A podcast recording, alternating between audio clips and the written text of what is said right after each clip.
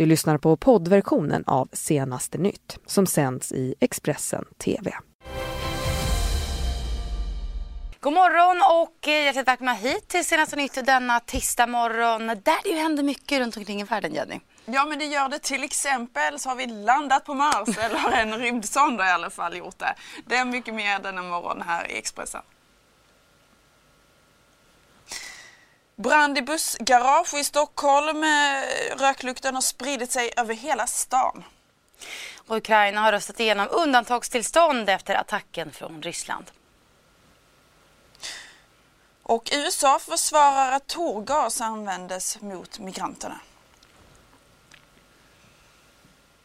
Mm, men vi börjar alltså med att det brinner i taket i ett bussgarage i Stockholm och röken från den här branden har alltså under natten spridit sig till stora delar av stan. Ja, branden bröt ut på förmiddagen igår och ska startat i samband med takarbete. Räddningstjänsten har arbetat med släckningsarbetet under hela natten nu och eh, ser, eh, nu så ser också begränsningslinjerna ut att hålla vilket gör att branden begränsas och spridningsrisken alltså minskar. Man hoppas att vinden inte ska vända och öka risken för spridning till eh, intilliggande byggnader. Ja, och den här byggnaden den kommer eh, att eh, allt att döma rasa så småningom. Eh, men det är oklart när detta kommer att hända. En anmälan om allmänfarlig vårdslöshet kommer också att upprättas.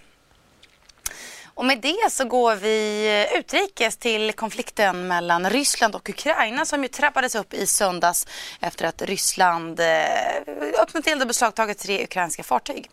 Ja, detta här skedde vid, alltså vid eh, Katchsundet och igår så höll FN ett extrainsatt möte för att diskutera den pressade situationen och senare under dagen så röstade Ukraina igenom undantagstillstånd i landet. FNs säkerhetsråd höll under måndagen ett krismöte efter att Ryssland öppnat eld och beslagtagit tre ukrainska fartyg vid Kertjsundet. Ryssland ansåg att den ukrainska flottan befann sig på ryskt territorium. På FN-mötet valde flera länder att fördöma agerandet USAs representant Nikki Haley konstaterade att händelserna är oacceptabla. Sunday's outrageous violation of sovereign Ukrainian territory is part of a pattern of Russian behavior that includes the purported annexation of Crimea and abuses against countless Ukrainians in Crimea. This is no way for a law abiding, civilized nation to act. Impeding Ukraine's lawful transit through the Kerch Strait is a violation under international law. It is an arrogant act that the international community must condemn and will never accept. Ryssland har under flera månader anklagats för att trakassera och försena fartyg på väg till ukrainsk mark. I Ukraina har parlamentet nu röstat igenom ett undantagstillstånd i landet till följd av söndagens händelser. Enligt presidenten Petro Poroshenko ska ett sådant tillstånd stärka Ukrainas försvar. Men det ska inte innebära en krigsförklaring, säger han till tv-kanalen Al Jazeera. Och så tar vi oss till USA för president Donald Trump han försvarar ju nu att tårgas användes mot migranterna vid gränsen mot Mexiko. Där skriver nu bland annat ABC News. Händelsen inträffade igår alltså då hundratals människor försökte storma gränsen vid San Isidro norr om Tijuana och presidenten menar att tårgasen krävdes för att skydda gränsen. Han förnekade dock att den används mot barn men bilder visar hur dessa har hamnat mitt i incidenten. Det rapporterar CNN om. Well, first of all, the tear gas is a very minor form of the tear gas itself. Uh, it's very safe, but you really say, why is a parent running up into an area where they know the tear gas is forming and it's going to be formed, and they're running up with a child? Well, I think the Mexican government is trying very hard. Uh, I would have stopped them a lot sooner than the border. We're stopping them at the border. Uh, but I really think Mexico is working hard. They were uh, violently attacked. I mean, their police were violently attacked at the northern border. If you look at, if you look at their border, their southern border, uh, they were really that was violence at a high level. That was a terrible thing that took place, and they really uh, geared up after that because they had a lot of their policemen and a lot of their soldiers were injured badly. So, uh, but I think Mexico's doing a good job. Now I'd like to see Mexico take those people and move them back to Honduras, move them back to Guatemala, move them back to El Salvador, where most of them come from. Ja, vi ska gå vidare till att berätta att det snart nu är då två månader sedan eh, den saudiska journalisten Jamal Khashoggi gick in på konsulatet i Turkiet och kom aldrig ut igen. Saudiarabien erkände efter en tid att eh, Khashoggi alltså dog inne på konsulatet under ett förhör som gick fel. Mm, och i Turkiet så pågår nu fortfarande stora insatser i sökandet efter journalistens kropp. For hours now, Turkish investigators have been searching this property in Yalova. This is an area that's about a 90 minutes drive south of Istanbul. The chief prosecutor for Istanbul on Monday released a statement saying the reason for this search is information they've uncovered in their investigation uh, linking a Saudi national who resides here in Yalova with one of the 15 uh, Saudis who was part of that hit team that carried out the killing of Jamal Khashoggi. According to the chief prosecutor, he says contact happened between uh, this Saudi national and uh, one of uh, and that member of the hit team a day before the killing of Khashoggi, and they believe that is related to uh, disposing uh, of the body. Now uh, we've seen sniffer dogs being used, we've seen uh, drones deployed here, uh, we have seen forensic experts searching a well in the garden. They have also were digging in the back and seem to be collecting samples. It has been nearly two months since the killing of Jamal Khashoggi, and authorities have not been able to find his body or remains. According to their investigation, he was killed in the consulate and then his body was dismembered. They've looked at a number of different theories, including the possibility that acid was used to dispose of uh, his body, but Turkish officials say Saudi Arabia, that is holding the suspects in this case, has the answers, and that they have put forward the questions asking where are the remains of Jamal Khashoggi. And so far, they say uh, the Saudis have not been cooperating and they've not provided them with satisfactory answers. The Saudis have said that the body, uh, his remains, were handed over to a local collaborator. Turkey is skeptical about the existence of this local collaborator who hasn't even been identified uh, by the Saudis. Another key question they say that they have asked the Saudis uh, it is who ordered the killing of Jamal Khashoggi. Turkish officials are not convinced that this was a rogue operation. They believe this was ordered by the highest levels of the Saudi government, as we heard from uh, President Erdogan. The message from Turkey on this day is pretty clear that while some in Washington and in Saudi Arabia want to put the killing of Jamal Khashoggi behind them and move on, Turkey's investigation is far from over. Jumana Karachi, CNN, Yalova, Turkey. Ja, och med det så tar vi oss istället inrikes. Eh, För i augusti så tog Migrationsverket sig an sitt nya uppdrag att övervaka hur kriminalvården och polisen skött de utvisningar av asylsökande som sker med tvång. Och Sveriges Radio Ekot kan nu avslöja att eh, Migrationsverket inte kunnat utföra det här uppdraget eftersom kriminalvården hemlighållit många av de här avvisningarna. Och nu Jenny så ska det handla om politik.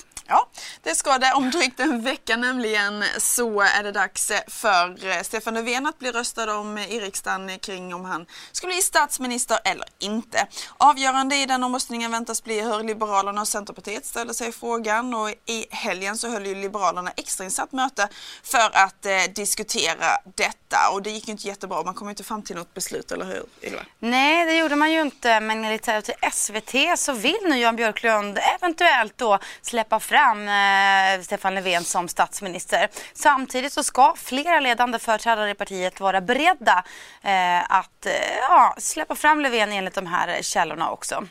Ja, det svåra parlamentariska läget eh, håller i alla fall i sig ett tag till och just nu så finns flera möjliga statsministerkandidater alltså. Det kan vara svårt att hålla koll på ibland. Vår reporter Ellen Pan ska i alla fall ge oss en sammanfattning om vad som talar för och emot de olika alternativen.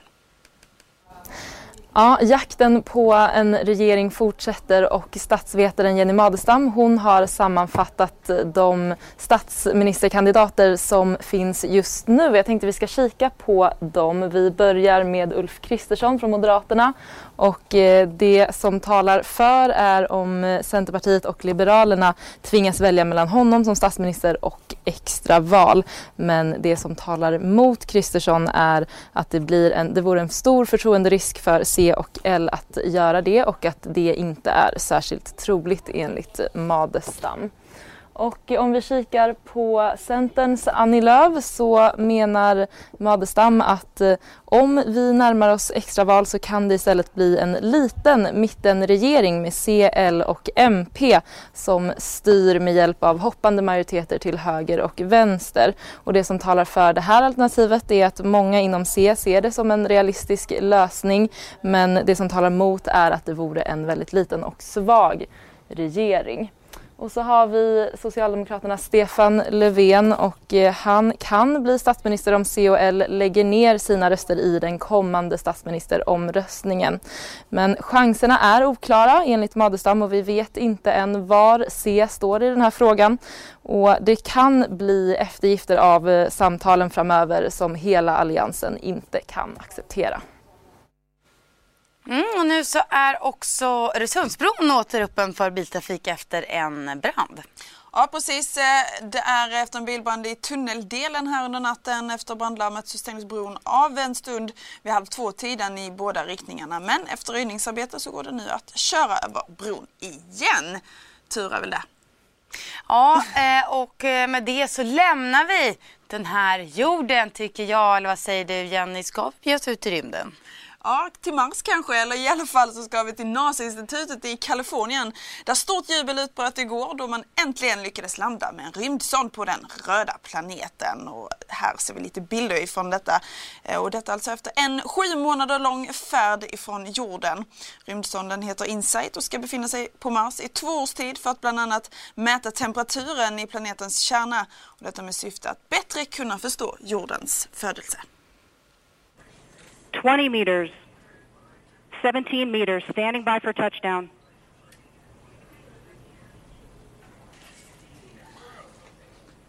Touchdown confirmed.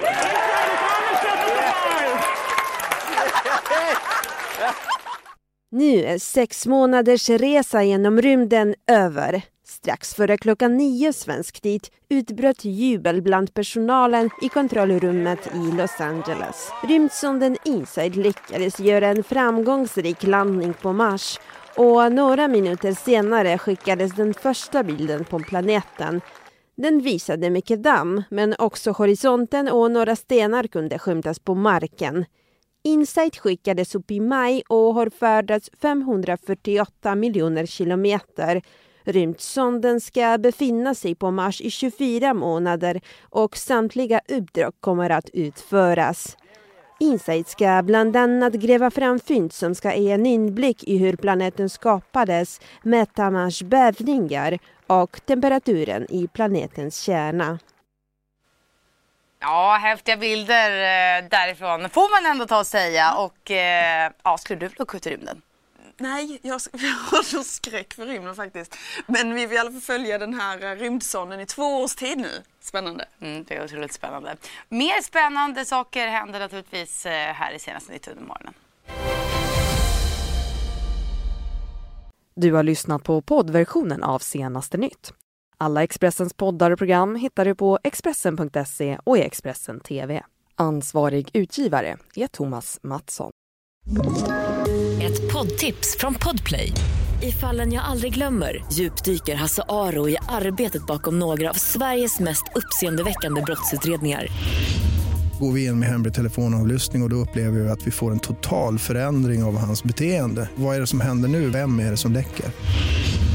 Och så säger han att jag är kriminell, jag har varit kriminell i hela mitt liv men att mörda ett barn, där går min gräns. Nya säsongen av Fallen jag aldrig glömmer på Podplay.